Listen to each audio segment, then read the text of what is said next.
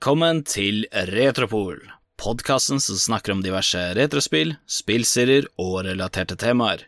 Jeg er verten deres Erlend, og med meg så har vi vår cohost Henrik. Alltid glad for å være her. Du vet jo at i tidligere episoder så har vi jo snakket om Pokémon Emerald, Pokémon Diamond and Pearl, men jeg syns eh, det er noe som mangler. Vet du hva det er, Henrik? Hva da? En eh, episode dedikert til Pokémon-spill, fordi Pokémon er jo såpass stort at eh, det er jo nok til å fylle én hel episode, er du ikke enig? Jo da, det er jeg. Da passer det bra at vi begynner med et spill eh, som er egentlig en ganske fint område å starte på, nemlig Pokémon Stadium på Nintendo 64. Pokémon Stadium er jo da et eh, spill som ble utgitt på Nintendo 64 i 1999 i Japan og i 2000 i Europa. Dette er da teknisk sett en oppfølger til Pokémon Stadium 1, som ble utgitt i Japan. Men eh, det var da mer en prototypespill med veldig få Pokémon. Pokémon Stadium 2, som da kalles for 1 i USA og Europa, har det fulle rosteret fra generasjon 1, og har en god del forbedringer som det første spillet ikke hadde. Mm, det ville vært eh, Du ville merket fort om det mangler Pokémon hvis du hadde kun fullutviklingen og ikke de under. Slik spillet fungerer, er jo at eh, du kan jo se for deg Pokémon-spillene hvis det var kun battles. Ingen shops, ingen folk å snakke med, eller områder eller puzzles å gå til. Det er bare kun battles. Og det er jo forskjellige måter man kan slåss på i spillet. Du har Battle Tower, Poker Cup og Free Battle. Og sånn sett så er det egentlig bare Du kan enten velge å bruke Pokémon fra enten Pokémon Red, Blue, Yellow, Green, altså egne Pokémon, eller hvis du ikke har det, ikke har en save eller noe lignende, da kan du bruke såkalte rental Pokémons. Og de er jo litt sånn hit and miss. Noen kommer til å ha bedre angrep enn andre. De er jo sånn balansert, kan man si, i hermetegn. Det er iallfall balansert ut ifra det at eh, minsteutviklingen har bedre angrep, men eh, de voksne har bedre stats på alle feltene. Sånn sett er jo egentlig battle ganske greit. Det er jo liksom du har en Pokémon, velger angrep, og så bare gjør du ditt beste for å slå motstanderen. Og så er det egentlig, hvis du spiller pokercup for eksempel, så så er det egentlig bare det at du bygger deg fra bunn til topp, og sånn sett så er jo egentlig det spillet. Det er jo sånn greit, men eh, det som trekker spillet litt ned på det området, er jo at eh, hvis du vil kun eh, spille battles, så kommer det til å bli veldig repetitivt, hvilket fører til at du vil kjede deg ganske fort. Så min anbefaling er hvis du skal spille kun battles, så spill for eksempel tre kamper, ta deg en pause, og så fortsette igjen etterpå. Mm. Og det som er litt fint med Pokémon Stadium, er at du kan faktisk eh, pause mellom hver kamp du spiller, og returnere seinere. Så det er en veldig sånn fin eh, ting for enkelte eh, sånne runder med cups. Kan ta litt tid, for du ender jo med å spille mot eh, åtte motstandere på en del av de cupene der, og de kan fort bli ekstremt vanskelige. Det er sant. Det som er litt spesielt da med Pokémon Stadium, er jo at uh, sånn sett når jeg spiller dette spillet, så er det egentlig ikke for uh, Battle Tower eller Poker Cup, men det er rett og slett for to områder, Free Battle og Kids Club. Free Battle fungerer slik at du og en motspiller, enten vennene dine eller en, og eller computer, det er avhengig av hvor mange det er som spiller, så velger man eh, Pokémon, enten fra egne eller rentals, og så er det egentlig bare å gjøre sitt beste for å vinne. Men det er en anbefaling her som jeg, vennene mine har merket gjør faktisk denne spillmodusen gøyere. I stedet for å velge Pokémon basert på ah, men jeg vet hva som er bra, eh, jeg går for legendaries eller disse sterke Pokémonene, bruk random.org til å bestemme hvem som får hvilke Pokémon, for det gjør at du må faktisk tenke litt på hvilke Pokémon bør jeg spille ut med tanke på dette utvalget jeg har fått. For eh, det er jo som du nevnte, Erlend. Du, når du har spilt nok eh, med Venter Pokémon, så vet du akkurat hvilke som er de beste å ha på laget ditt. Og det fører jo til at du og motstanderen velger et omtrentlig likt team som bare på en måte varieres litt bare for å kunne kontre motstanderens Pokémon, så å si. Mm. Så det gjør det jo veldig interessant når du ikke vet hva du vil få utdelt. Du kan være så heldig å få for eksempel Articuno, Aerodactyl, uh, Electabuzz også tre kanskje sånn middelmådige Pokémon. Eller så kan du ende med å få én god Pokémon, og så er de fem andre bare sånn leveling team. De Pokémonene du bare spiller med for å levele de opp. Mm. Men det er det som gjør det så gøy. Men plutselig så finner du en annen kombo som du ikke visste om, og det har fremdeles mange muligheter til å klare å få til noe. Men det er det som gjør det så gøy når det er random, for da må du egentlig bare Da må du faktisk tenke litt på ok, hvordan bør jeg spille disse Pokémonene jeg har fått med? Det er litt sånn som med kort, egentlig. Det er jo ikke kortene som avgjør, det er jo egentlig hvordan du spiller kortene. Og det som er litt kult med på en måte Pokémon Stadium, er jo det at eh, de brukte veldig mye tid og krefter på det at du skulle spille Pokémon-kamper. Så de har fulgt med massevis av kule animasjoner, både for angrepene du bruker, samtidig med Pokémonene du bruker som alle gjør forskjellige eh, bevegelser basert på angrepene du bruker, og noen av de er helt unike for den spesifikke Pokémon. Og hvordan kan vi glemme announceren, som eh, forteller om alt som skjer? Mm. De hyrer jo faktisk inn det han eh, annonseren fra faktiske Pokémon-animeen Ted Lewis til å stemmegi dette spillet her òg. Og han gjør en helt sånn fantastisk jobb med å være en eh, annonser i dette spillet her. Alt ifra The free battle is on. They strike fighting poses. Oh, a critical hit! Oh, watch that weak spot. And it's down. Wow, taken down with one hit. Og når eh, en Pokémon dukker opp Oh, it's Gengar! Oh, it's Charmeleon. A Raichu! Oh, it's Articuno. Det er bare Det gir spillet liksom et personlighet. Det, altså, etter å ha spilt dette spillet så mange ganger, så er det sånn Jeg kan nesten kvote alle replikkene han sier i dette spillet.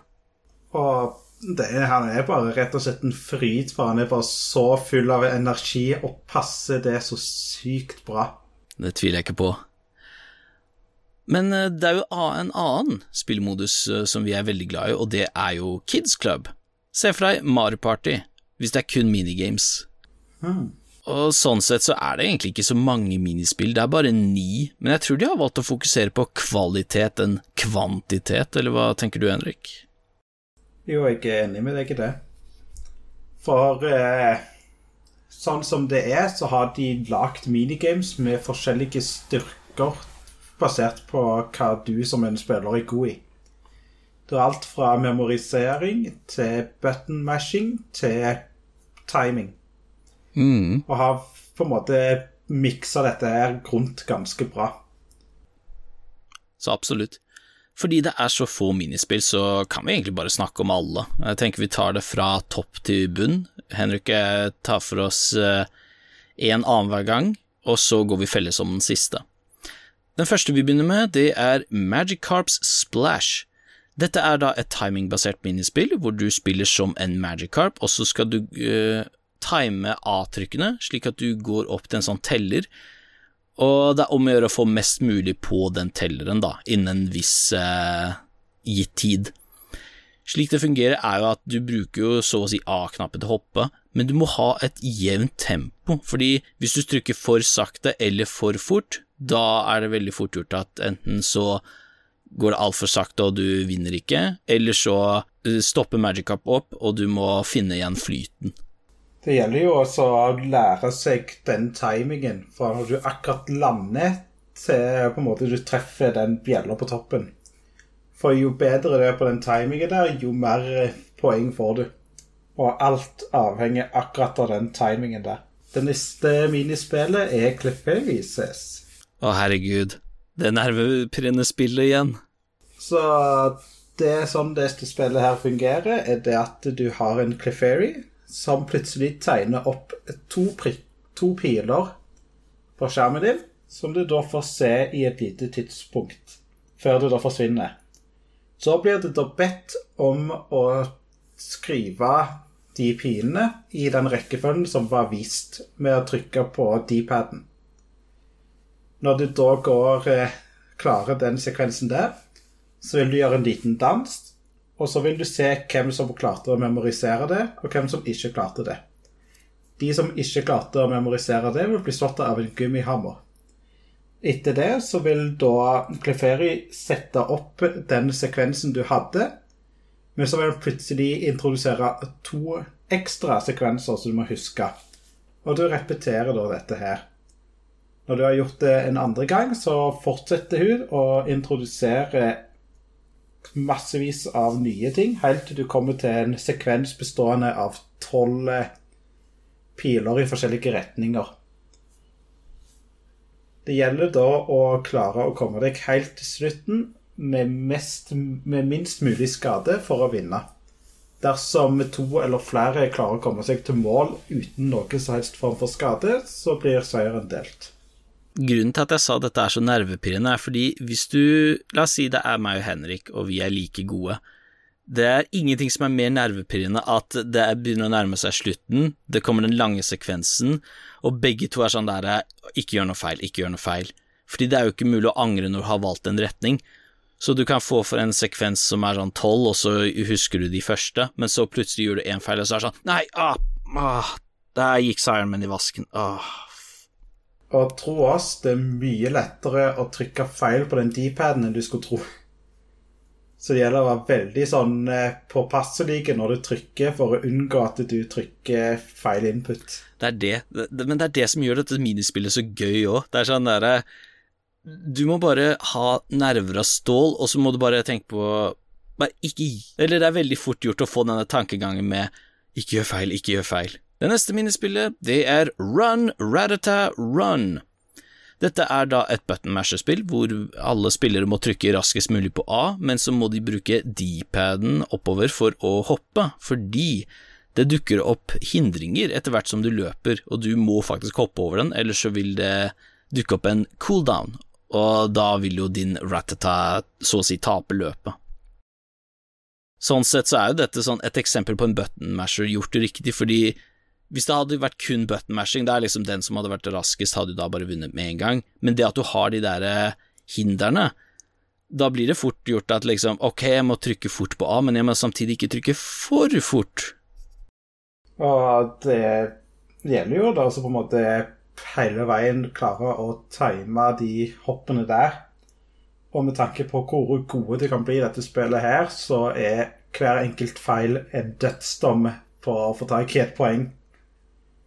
Så du må på en måte prøve å maksimere hastigheten, men òg bare time alle hoppene for å unngå å bli sakka ned.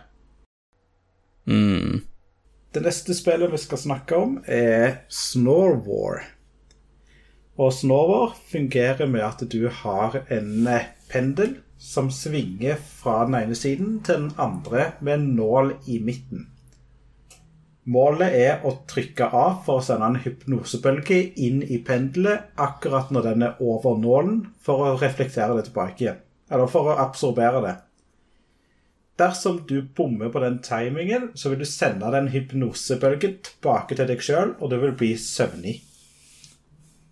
Pendelet vil jo da begynne å svinge raskere og raskere for jo flere runder den spinner.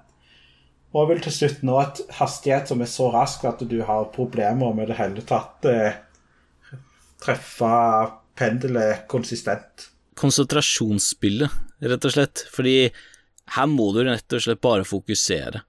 Hvis du gjør én feil, så er det veldig fort gjort at du kommer ut av takten, og det er sånn ah, vanskelig å innhente seg igjen. Ja, for det som er tingen, er at eh, de har en perfekt sånn lyd, sånn feilingslyd og det er rett og slett det at du lager en snorkelyd idet du feiler. Den er sykt effektivt på å få deg til å tenke 'Å nei, nå er gutta rydme'. Ah. Jeg syns det er artig at når du Den drowsyen som vinner, så er det sånn 'Yeah, jeg vant, og nå vil jeg legge meg'. Ja, det er sånn antiklimaks. Da det den tempoet der. Takk, takk, takk, takk, takk, takk, takk, takk, takk. Du klarer akkurat å anlegge livet bare for at du skal gå og sove igjen. Hva var poenget? Men det er det som gjør dette også så gøy. Men det er alltid kjekt å vinne den der, for den kan bli ekstremt intens på samme måte som eh, alle de andre vi har sagt om tidligere. Mm. Neste, det er Thundering Dynamo. Slik det fungerer, er at du og motstanderne kommer til å være enten en Pikachu eller en Voltorb, og så er det om å gjøre å fylle opp sitt strømtermometer eh, raskest mulig. Det du gjør, er at når det dukker opp et blått lys, så trykker du på raskest mulig på A-knappen, men så vil den bytte med den grønne lyset, og da må du trykke på B raskest mulig. For hvis du eh, trykker feil knapp til feil lys, da vil faktisk strømtermometeret ditt gå ned. Og så er det slik at det bytter på. Noen ganger så kan det bytte etter ett sekund, eller tre sekund, eller to sekund, og så videre. Og slik det er, er at det, du må både mutton-mashe, samtidig som må følge med på hvilket lys som er på, for at du ikke skal eh, at du ikke skal tape. Hvis du vinner, så blir jo strømtermometeret ditt fylt opp, og det som skjer da, er at de som taper, da vil de bli overcharga. Og det er ganske brutalt, egentlig. Jeg synes alltid litt synd på motstanderne, motstandere, spesielt på en måte Voltorboene, for de så så sykt deprimerte ut når de tapte etterpå. Så det var sånn eh, kjekt å vinne, og det er iallfall kjekt å vinne med Voltorb, for han blir òg så sykt glad når han vinner. Mens Pikachu er mer bare sånn standard eh, animasjoner og i forhold. Den neste minigame jeg skal snakke om, er Eakens Hoop Hurl. Dette er vel da en av de mer teknisk avanserte minispillene av de som er tilgjengelige. Med det at du har eh, Sånn spillet fungerer, så har du et rutemønster med ni huller, der det plutselig kan dukke opp en diglet fra en av eh, de ni hullene. Og det kan dukke opp flere diglet fra forskjellige holder på tegnene og samme tid. Målet ditt som Eakons er da å tilte hodet til Eakon, sånn at sikte mot til en av diglettene, og så drar du analogspaken bakover og slenger deg framover. Hvor langt du blir slengt, avhenger av hvor langt bak du drar spaken og slipper den. Så det gjelder på en måte å lære seg timingen på hvor langt du vil slenge deg Eakons, og det gjelder da å få mest mulig poeng med å lande på diglettene.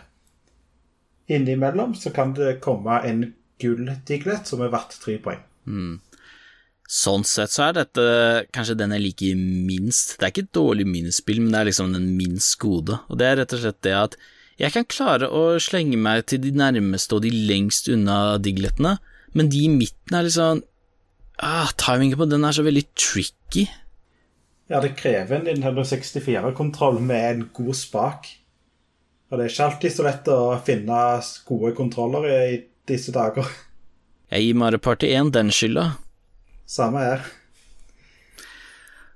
Og så har vi jo de to siste minispillene før felles, og dette her tror jeg er min favoritt i bunken. Det er nemlig Rock Harden. Rock Harden fungerer slik at det vil komme steiner fra bakgrunnen, og dere som spillere vil jo da enten være en Kakuna eller Metapod, og da er det slik at eh, man må da trykke inn A for å bruke sin angrep kalt harden for å beskytte seg fra steinene, men slik det er, er at hvis du enten blir truffet eller holder inne harden for lenge, så mister man liv. Det er et slags survival-minispill, hvor man må bruke minst mulig ressurser for å vinne. Hvis du er den som står igjen, da har du vunnet. Og det kan bli veldig fort nervepirrende når det er folk som er omtrent like gode, så det blir liksom en sånn derre du må lære deg å rett og slett tappe så kjapt med A-knappen at du bruker omtrent en millimeter av eh, ditt liv. Mm. Ja, det er jo viktig å huske på det at du mister veldig mye liv av å bli truffet av en stein. Sånn at selv om at det er viktig å tappe så perfekt som du kan, så er det verre å bli truffet av en stein enn å bruke bitte litt lengre tid i harden. Så det er jo på en måte en risiko mot en belønning som kan avveie. Hvor eh, ofte tror du at du klarer å beskytte deg med perfekt timing? For enkelte ganger så er noen av de steinene der ekstremt vanskelige å time rytmen på perfekt. Mm. Men er ikke det her ditt uh, go to minigame også? Jo da, det er det jeg liker best av eh, disse minigamene her. For rett og slett jeg har blitt så god i å mestre timingen. Men det er noen av de som jeg fremdeles bare holder inne av, for det er ikke en vits å tappe, føler jeg. For eh, feiler du den, så tar du for mye skade til at det er verdt det. Neste minispill jeg skal snakke om, er da Digg, digg, digg. I dette spillet her så spiller du som Sandshoes, som da befinner seg på et konstruksjonsfelt. Målet er å grave seg så langt mulig til det første mann finner vannet.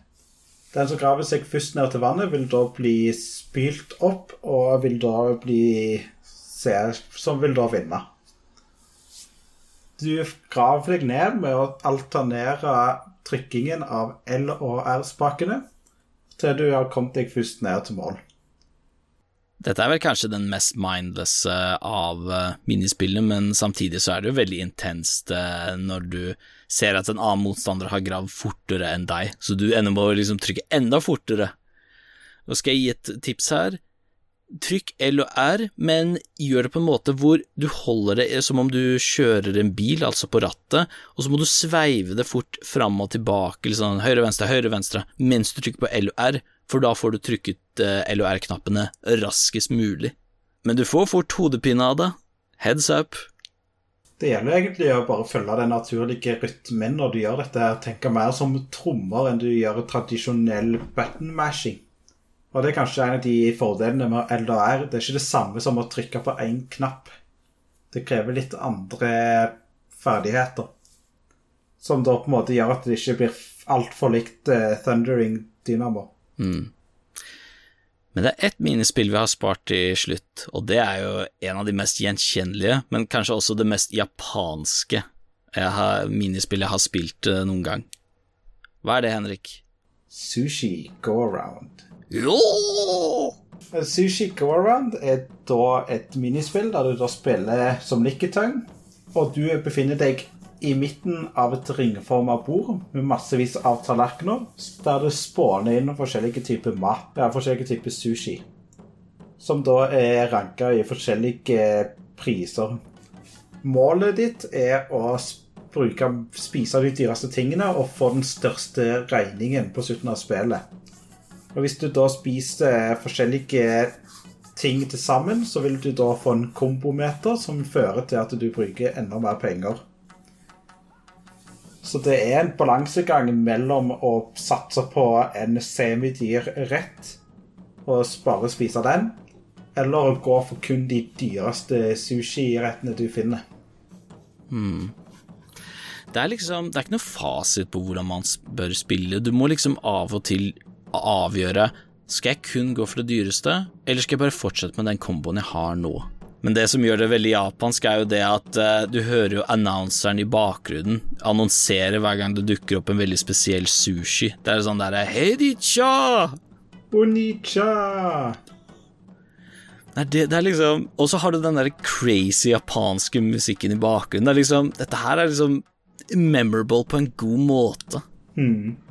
Og det er litt sånn komisk det der, for hver gang han der annonseren på en måte roper Onicha, så ser vi alle liketangene, bare ser etter hvor den der oransje er, og springer mot den. Første mann på prøve å få tak i han. mm. Bare pass på å ikke spise feil type sushi, for hvis du spiser f.eks. wasabi, da vil liketang få en cooldown, så heads up.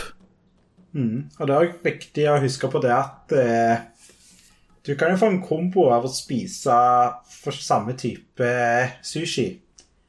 Dersom du bommer på en av tallerkenene, så ødelegger det komboen din. Så det gjelder å lære seg timingen på når han stikker ut tunga til han treffer maten, og du spiser det.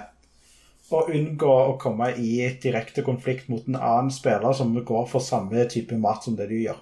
Utenom det, hvis det er en annen ting som må nevnes på spillet som jeg liker veldig godt, det er soundtracket.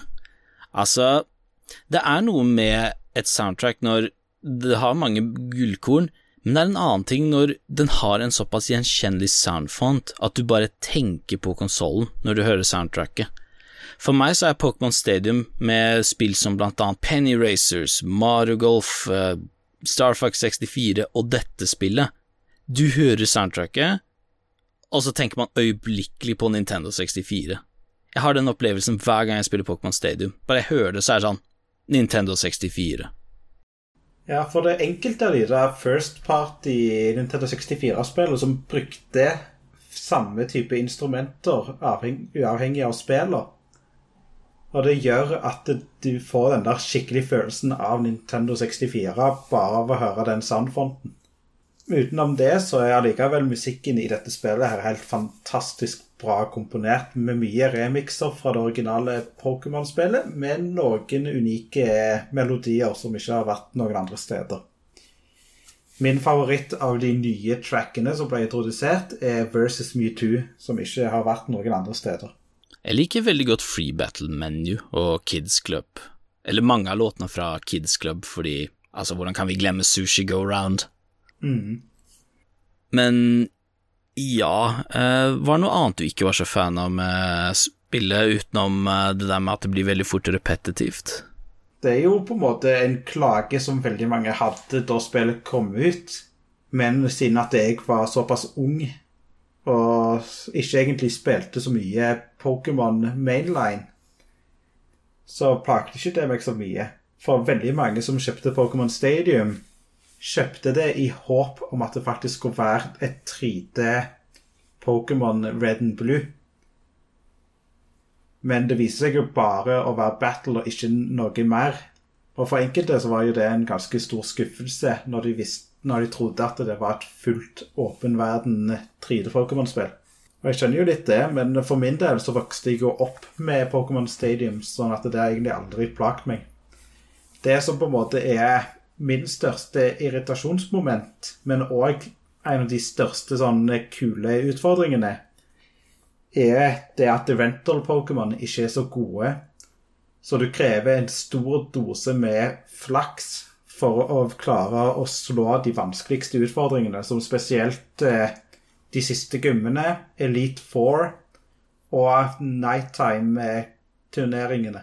For ikke snakke om Mewtwo, som du faktisk kan slåss mot i spillet. Mm. Metoo var alltid en der kule Pokémon som alle ville ha. For eh, han var en vanskelig Pokémon, så du måtte finne i en gruve. Han var jo ekstremt mye mer i, Han var jo promotert ekstremt mye i den første Pokémon-filmen, som var helt fantastisk. Og rett og slett så var han bare en kul Pokémon, og Psychic var OP i G9. Så det var jo bare en helt fantastisk idé å ha sistebossen være Mewtwo. Men jeg kan skjønne det at liksom, hvis du vil f.eks. slåss mot Mewtwo, og du vil gjerne bruke de sterke Pokémonene, så er det sånn Å ja, vent, uh, Charizard har ikke flamethrower, men det har Charmander. Ops. Hmm. Så sånn sett så er jo det litt sånn irriterende på mange vis. Men det er én på en måte litt kul ting du kan gjøre. For det som er med rental, er det at eh, OK, rental er ikke så gode, men hvordan kan jeg klare å slå metoo med bruk av rental-Pokémon? Og det er faktisk en av de første gangene jeg ble sånn veldig interessert i å eksperimentere. Jeg bare ville bruke timevis på å finne det beste sånn Pokémon-komboen til å klare å slå Mewtwo. Og det var ekstremt tilfredsstillende det som første gangen jeg klarte å slå han. For han var jo så kraftig at han fort kunne vipe ut hele teamet ditt uten at du hadde en sjanse engang. Hm, jeg ser den. Som en liten bonus, da, så kan vi jo snakke om et par Pokémon vi ikke har eh, gjort med tidligere med tidligere Pokémon-spill vi har snakket om på Retropol. For vi har jo Vi snakket jo om Emerald, Diamond and Pearl, men vi fikk ikke eh, snakket så mye om selve Pokémonene du møter på i spillet. Det tenkte jeg vi kunne gjøre noe med her, nemlig fordi du vet jo at et Pokémon-party kan jo ha maks seks Pokémon. Derfor tenkte jeg vi kunne snakke om tre Pokémon hver. Slik eh, jeg kommer til å bedømme Pokémonene, er basert på dems design, men samtidig hvor reliable er de i combat, hvor fleksible er de med tanke på angrep. Så når jeg kommer til å ranke Pokémonene, så kommer jeg til å ta utgangspunkt i hvordan Pokémonene er i rental i Pokémon Stadium.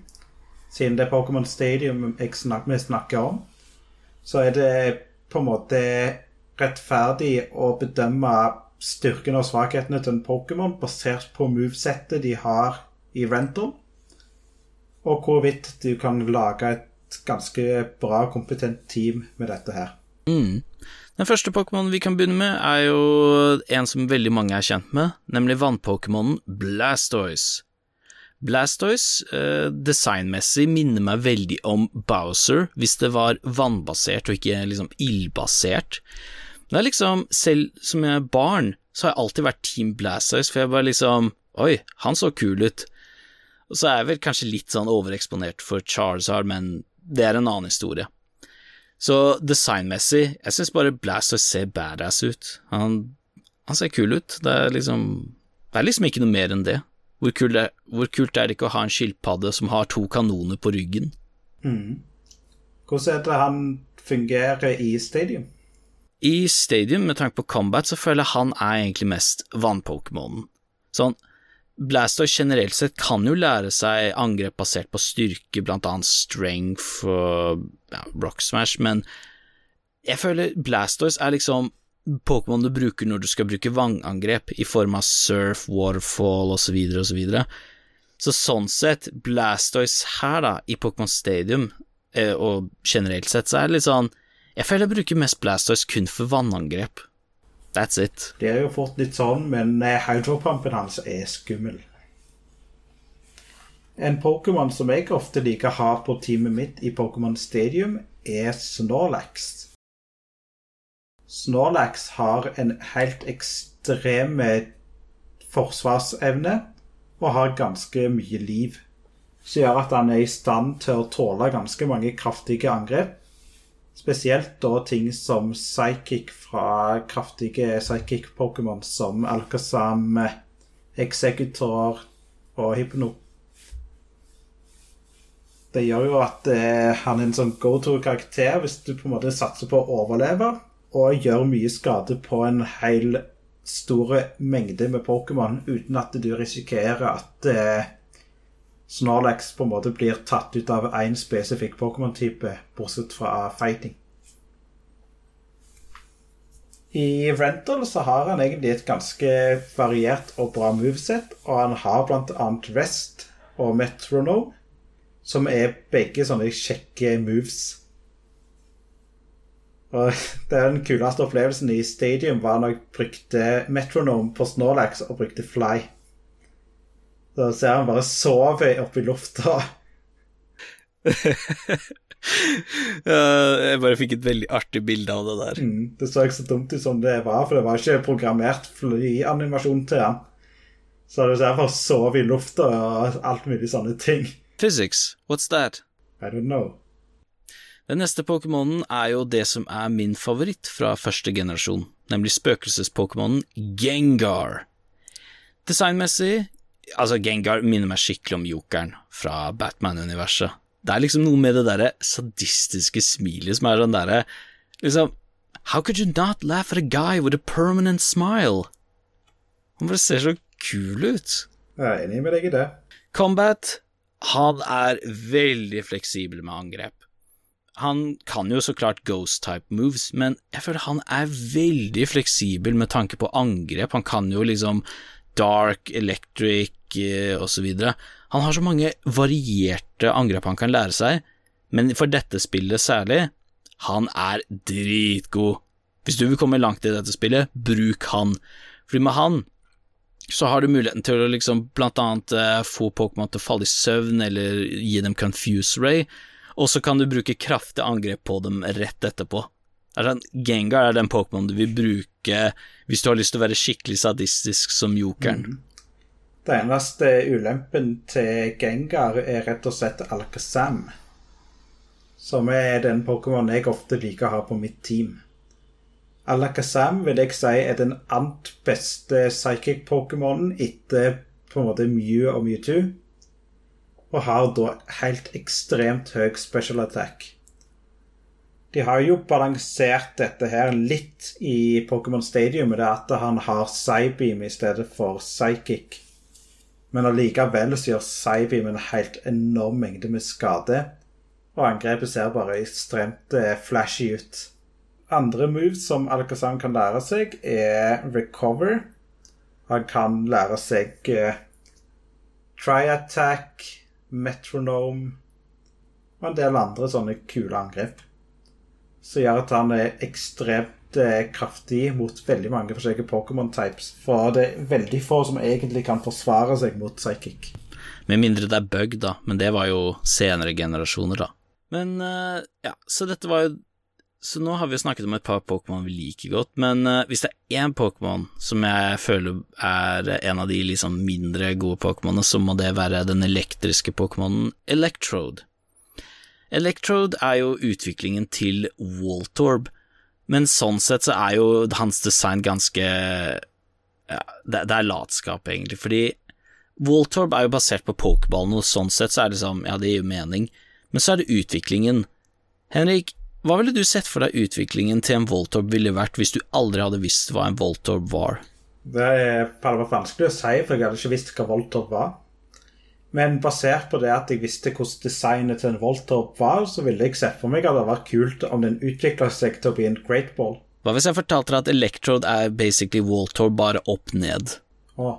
Med tanke på combat, jeg føler Electrode er en one trick pony, fordi han kan for det meste elektriske angrep, men det er ett angrep som han er veldig kjent for, og det er jo self-destruct. Så å si, du bruker det, og så tar du enten ut motstanderen eller ikke avhengig av hvor mye liv de har, men det ender med at din Pokémon dør. Så det er sånn Å ah, ja, ok, det var det. Så sånn sett så kan du være ekstremt heldig mann i noen få tilfeller der du slåss mot en vann-Pokémon. Du har plutselig bare ti liv igjen, og så bruker du self-destruct fordi at det er det beste du kan gjøre. Men Sånn sett så er liksom Electrode ender med å være den Pokémon hvor Ok, jeg har utviklet Voltorb. Ok, da putter vi han inn i PC-box, og så bare blir han der. Mm. Og så har vi jo da kanskje det som er kjedeligst å få dersom du spiller randomizer på free battle, og det er å få enten Kakuna eller Metapod. Men jeg liker designet til Kakuna. Ja, jeg liker designet til dem, men de er garbage å få i rental likevel. Fordi at eh, hva er det Kakuna og Metapod kan? De kan sånn eh, De kan ha den, og så kan de et eller annet av de der rap-angrepene sine. Så de er jo basically useless. Ja, så de er jo bare ekstra vekt som ikke gjør noe som helst. Men uh, alt i alt, da, Pokémon Stadium syns jeg er et sånt greit sånt der uh, avslapningsspill, da. For det er liksom Selv om ikke jeg er så interessert i å prøve Battle Tower eller Pokercup, så ender jeg fort med å heller spille Free Battle og eh, Kids Club, for det er jo liksom Det er jo de to artigste modusene, og for soundtracken sin skyld. Ja, jeg er enig med deg at det er de beste måtene altså bare å spille Pokémon Stadium. Men eh, dersom du er på en måte bare litt aleine, eller om du har nesten bare én kontroll, så kan det være en kjekk utfordring å prøve å slå de forskjellige cupene med kun rental-Pokémon. For eh, det er jo frustrerende, men det er ekstremt kjekt når du først klarer å vinne de. Og vil da på en måte kunne okkupere deg en god del timer dersom du ikke har noe bedre å finne på. Hmm. Så egentlig opp til dere om dere har lyst til å skaffe det eller ei, men uh, jeg vil si allikevel go for it. Om ikke annet så får du i hvert fall uh, det gøy i noen timer. Og med det så er uh, vår episode ferdig. Tusen hjertelig takk for at dere hørte på, og så snakkes vi. Ha det bra. Ha det bra, ja. And there goes the battle!